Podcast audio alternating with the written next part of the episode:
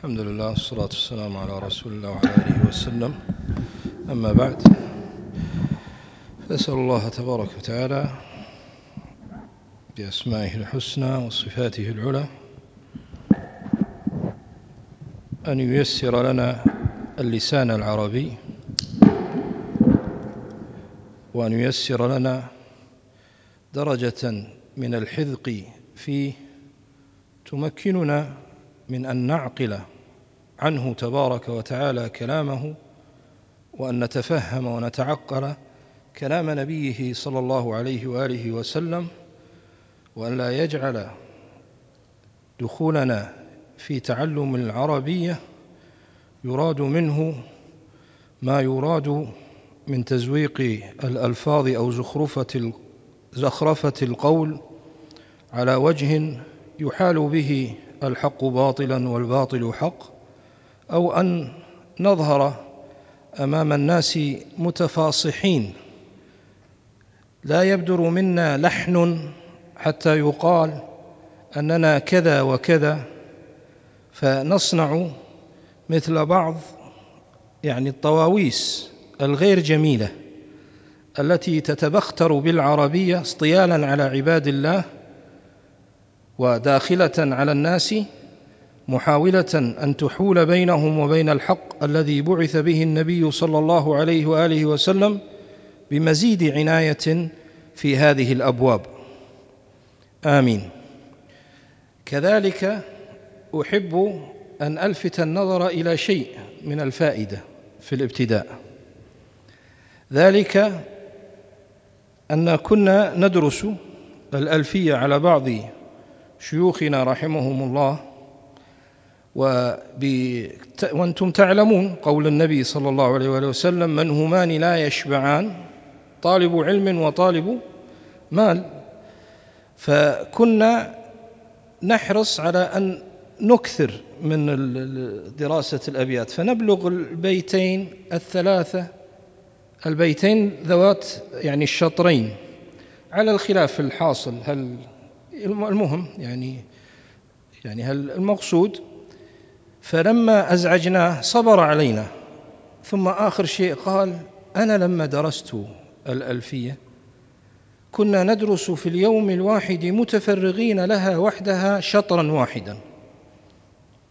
وأنتم الآن وطبعا هو صدق من درس يعني العلوم هذه تحتاج صبر وطول نفس. واستمرار. إذا صبرت وأطلت النفس وحصل منك استمرار لانت لك العربية بعريكتها. فإن العربية حصان جموح. العربية حصان جموح. لا يلين قياده لمن أراد أن يأتيه بغتة. فلا بد من أن تتريث وفرصة لك أن تدرسها شيئا فشيئا شيئا فشيئا. مستعينا في ذلك بالله تبارك وتعالى. تقدم معنا الكلام في الأسبوع الماضي عن الأسرة العربية كما اصطلحت على تسميتها وهي المادة الخام التي تتكون منها هذه اللغة. التي يحتاج أن تعرف ما بنيت منه قبل أن تلج في التركيب بين يعني أجزائها حتى تخلص بدراستها. فقلنا تكلمنا عن الكلام في النحو والفرق بينه وبين الكلام في العربية مطلقا وأن الكلام النحوي مثل ما قال ابن مالك رحمة الله عليه الإمام ابن مالك رحمه الله. حتى يعني لفت نظري اليوم وأنا أحضر لدرس البخاري أنه رحمه الله تعالى لما جاء إلى لفظة إذ قال قال قال يا ليتني يقول له ورقة. سيأتي معنا الحديث إن شاء الله. فيقول له ورقة يا ليتني جذعا إذ يخرجك قومك. قال الإمام ابن مالك رحمه الله فيه أن إذ تستعمل في ما يستقبل. خلافا لما عليه أهل العربية. انظر كيف يعني الإمام ابن مالك يأخذ قواعد العربية من كلام رسول الله صلى الله عليه وسلم. طبعا ما تركوا تعقبوا لكن ما ليس لنا شأن يعني يعني بتعقبهم. علينا من يعني المقصود. فالكلام قال الإمام ابن مالك رحمه الله قال كلامنا لفظ مفيد. فبس لفظ مفيد. اللفظ أخرج سائر أنواع الكلام كما تقدم الإشارة والكتابة والخط والعقد باليد. وقلنا أن اللفظ هنا ما يتلفظ به نطقا وما يكون في محل اللفظ حكما. عشان ندخل إيش؟ الضمائر. وهو ما قصر رحمه الله لأن لما جاب لك المثال أتاك بالضمير قال استقم. وين باقي الجملة؟ استقم فعل أمر. وين الفاعل؟ الضمير استقم أنت. فتبين إذن أن من الكلام من الألفاظ التي يعالجها النحو أو التي ينتظم بالتأليف بينها جملة النحو هو الضمائر أيضا. لفظ مفيد مفيد خلاص. احفظ لفظ مفيد وافهمه. فمفيد أي لا يتطلب السامع بعد ذلك شيئا. مثل إيش مثاله كاستقم اسم وفعل ثم حرف الكلم. اسم فعل حرف هذا تقدم الكلام عليه. طيب بعدين تكلمنا عن الأسماء. كيف تتعرف على الاسم؟ اسم وفعل ثم حرف الكلم واحدة كلمة والقول عون كلمة بها كلام غني بالجر والتنوين والندى وأل ومسند للاسم تمييز. حصل هذا تقدم الكلام عليه وأنا ركزت قلت ركز ركز ركز ركز في النحو وفي كل العلوم الآلية اللي من هذا النوع ركز على أن تحفظ من غير فهم وأن تفهم من غير حفظ وأن تطبق في ذهنك ممارسة استقلالا. هذا صار اصطلاح الحين قاعد أسهل المقصود يعني أقول يعني في شيء في العلم لابد تحفظ لا تفكر. احفظ لازم تحفظ. والذي اصطلحت على ان اسميه بالبغبغاء. والبغبغاء هو ترى من أذكى الحيوانات على فكرة يعني. هو من أذكى الحيوانات الموجودة اليوم. يعني نطقه وتكراره للكلام المحيط به ليس فقط مثل ما قال يعني شوقي يا له, يا له من بغبغاء عقله في أذنيه. لا مو صحيح ترى. البغبغاء من أذكى الحيوانات. المهم هذا مو هذا البحث بس أنا أردت أن لما استعملت لفظة البغبغاء يعني أردت أن أن يعني البغبغاء حفظ بذكاء. البغبغاء حفظ بذكاء. في شيء لازم تحفظ في شيء لازم تتعقل تتذوق تتفهم بعدين طبق. ولا تحصر نفسك في التطبيقات بما يدلى إليك من أمثلة لأنك إذا صرت مقلدا لن تستطيع أن تنتفع بهذا العلم في الفهم المعاني. إذا صرت مقلد ما راح تستطيع تفهم في المعاني. كما قلت لا يكون هدفك هذا من الهدف أن لا تلحن. هذا من الأهداف من ثمار تعلم اللحو النحو أن لا يعني يكون في كلام الإنسان لحن. نعم هذا هدف لكن لابد هناك هدف أكبر وأعظم من هذا وهو أن نفهم عن الله وعن رسول الله صلى الله عليه وسلم وأن نفهم الآثار وأن نحافظ على هذه اللغة العظيمة الشريفة. فالمقصود بالجر والتنوين وندى وأل قلنا أن الاسم فيه خصيصة وهو ماذا؟ أنه هو الذي تبنى عليه ويتعلق به الحكم الذي يعني في الكلام النحوي. الذي أيضا يسمى تسمية أخرى أو لا يسمى الكلام النحوي ولكن تسمى الجملة. الجملة هي يعني إسناد. ألفاظ بعضها إلى بعض بغرض الإفادة. فالمقصود أن الإسناد إلى الاسم لما يسند إليه الكلام ابحث أين الحكم ليدور في الجملة يدور على ماذا؟ هذا لابد أن تبحث عنه وأن تفهمه إذا أدركت ما يبنى عليه الجملة هذا هو الاسم. فهذا سيجعلك أن تتعرف على سائر أنواع الأسماء لأن الأسماء منها المظهر مثل الأسماء التي ننطق بها. الجامع الصحيح الكرسي هذه أسماء مظهرة. منها أسماء مضمرة. فهذه لا تظهر إلا بأن بقرينة بقرينة أن يسند إليها إما بتكلم أو خطاب أو غيبة. فلما تسند إليها بهذه القرينة تظهر لك هذه الضمائر المخفية. فهذه من الأسماء. كذلك هناك مبهم. يعني ظاهر في لفظه مبهم في اسميته. كيف؟ يعني أنك ما تستطيع أن تظهر اسميته إلا بشيء إما يشار إليه كأسماء الإشارة هذا ونحوها أو الأسماء الموصولة التي تحتاج إلى جملة وعائد يرجع إلى الاسم الموصول. ومسند للاسم تمييز حصل ثم هنا يذكر رحمه الله تعالى بما يتميز به الفعل. ذكر بعد ذلك ما يتميز به الفعل. لما ذكر التعريف بالفعل أول مرة رحمه الله من حسن تصنيفه ذكر العلامات التي تميز بها كل الأفعال. وهذا من حسن التعليم ومن حسن التصنيف. هذا من حسن التعليم ومن حسن التصنيف. يعني أول شيء جاب لك القسمة اسم وفعل وحرف. بعدين قال لك الفعل هو ما ارتبط بزمن. معنى ارتبط بأحد الأزمنة الثلاثة. إذا هنا بدأت تتعرف عليه. ثم ذكر لك مجموعة علامات تتعرف بها على الأفعال. قبل أن يأتيك بكيف تميز بين أنواع الأفعال. فقال رحمه الله تعالى بتا فعلت وأتت ويفعلي ونون أقبلن فعل ينجلي. بتا فعلت يقصد تاء الفاعل. تاء الفاعل. التي تكون مضمومة عند التكلم وتكون مفتوحة عند الخطاب وتكون مكسورة عند المخاطبة المؤنثة.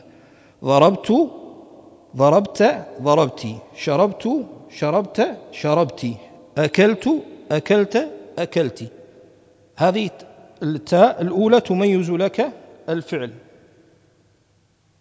وأتت هنا أتت يقصد بها تاء التأنيث. يقصد بها تاء التأنيث رحمه الله تعالى. قال ويفعلي يا افعلي. هنا يا مضاف وافعلي في حكم المضاف إليه. لماذا هنا قال يفعلي؟ حتى يميز لك أنه ليس كل يا لا يا التي تأتي في هذا البناء.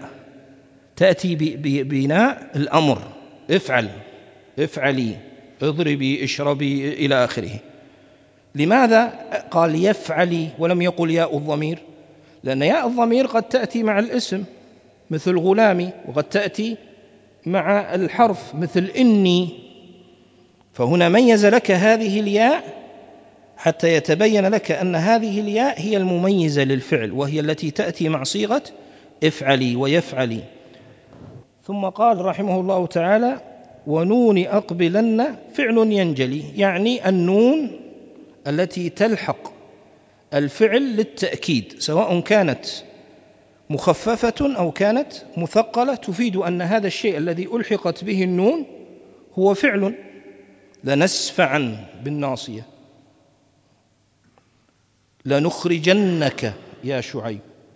فإذا إذا جاءت النون ووجد وجدتها مع الاسم دل ذلك على أن وجدت مع الكلمة عفوا. فهنا دل ذلك على أن هذا الذي يعني قال رحمه الله فعل ينجلي. بهذه العلامات سينجلي معك الأفعال. ثم قال رحمه الله تعالى سواهما الحرف. سوى ما تقدم سوى الفعل والاسم الحرف. فالحرف والمقصود كما قلت تكرارا المراد حروف المعاني. ما هو بحثنا في حروف اللي يسمى الأبجدية أو حروف يعني المعجم. لا إحنا نتكلم عن حروف المعاني. لها معاني لكنها من ضعفها كالحشو في الطبخ. إن يعني تأتي لاحقة تقوم بدور. مو ما تقوم بدور لا دور مهم جدا. ولكن دورها دور لاحق. تشبك بين الأشياء تدخل لتدل معاني. يعني المهم أن هي ما ما ما تصنع في نفسها شيئا ليس فيها لا هي دالة على معنى في نفسها إنما تدل على معنى في غيرها. هذه الحروف. قال سواهما الحرف. ثم مثل رحمه الله تعالى تمثيلا حاصرا لكل أنواع الحروف. فبين رحمه الله تعالى أن أنواع الحروف تنقسم إلى قسمين حروف مختصة وحروف غير مختصة. الحروف الغير مختصة إيش؟ يعني تدخل على الاسم وتدخل على الفعل. تدخل على الاسم وتدخل على الفعل. تدخل على هذا وهذا مو مختصة. مثل هل هل زيد قائم؟ وتقول هل قام زيد؟ تدخل على هذا مثل لها بهل ثم هناك حروف مختصة. الحروف الغير مختصة طبعا لا تعمل. ثم هناك حروف مختصة قال في ولم. في هذه مختصة بالأسماء. ومثلها أخواتها من حروف الجر. فهي تدخل على الأسماء تجرها. تجرها جرا.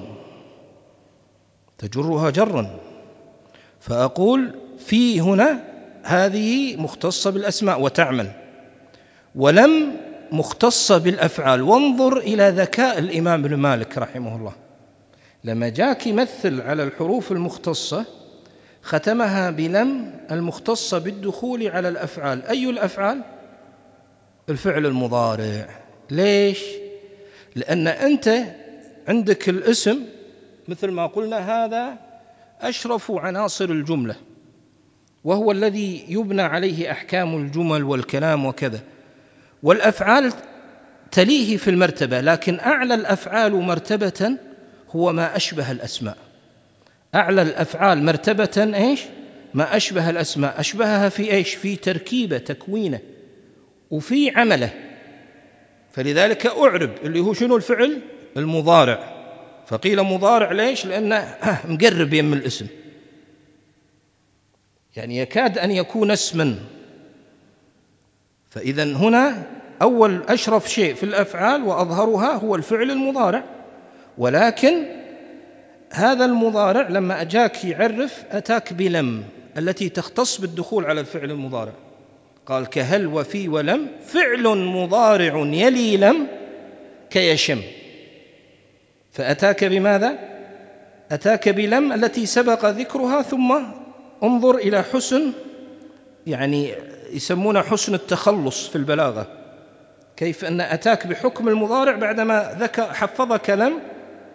كأحد الحروف المختصة التي تختص بالدخول على الأفعال.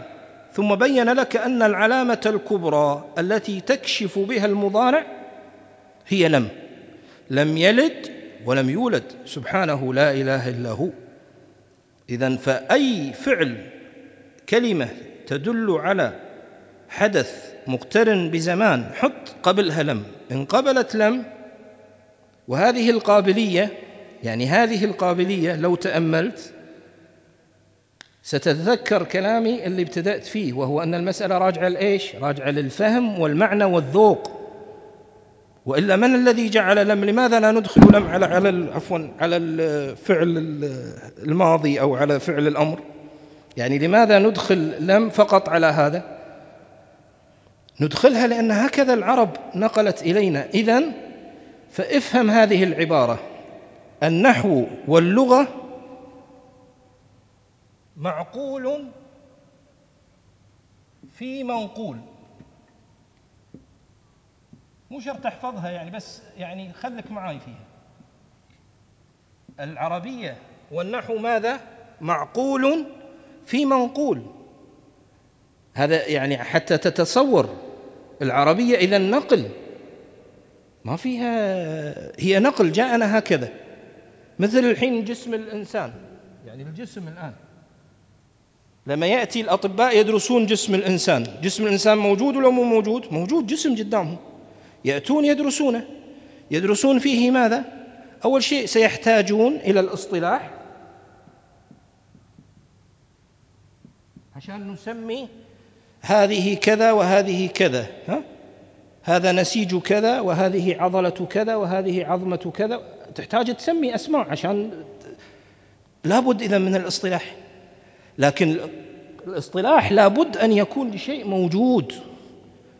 ما تأتيني تكثر الاصطلاحات من غير مقتضى. هذه الإشكالية هني تصير الإشكالية. واضح؟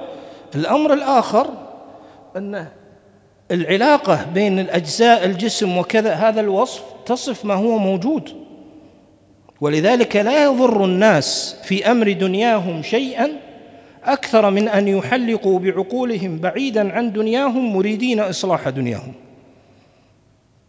هذه هي التي تسمى بال نحن في مسجد وفي هذا فلا بد أن نتحفظ في الألفاظ قدر المستطاع. هذه الفلسفة. هذه الفلسفة. الفلسفة ماذا تنفع؟ لا تنفع شيئا. إحنا عندنا مصلحة دين كتاب الله وسنة الرسول. مصلحة الدنيا خلني في الأمور المادية تجريبية التي تحصر وينتفع بها ويستخرج منها.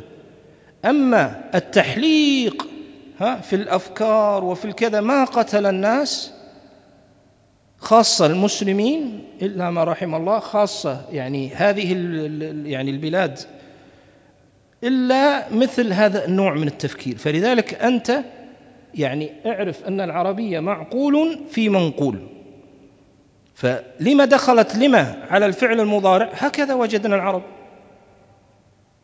وهني صارت المشكلة بين المدارس النحوية أن يأتي الكوفيين يجدون شاعرا مغبرا يستعمل لفظة استعمال معين فيقول ما دام عربي وما دام في عصور الاحتجاج ناخذ ونبني عليها قاعدة. يقول له البصريين لا لا نحن لا نبني القواعد إلا على ما اضطرد استعماله في لسان العرب. هذا ترى مكمن النزاع بين المدرستين. كم مضى من الوقت؟ كم مضى من الوقت؟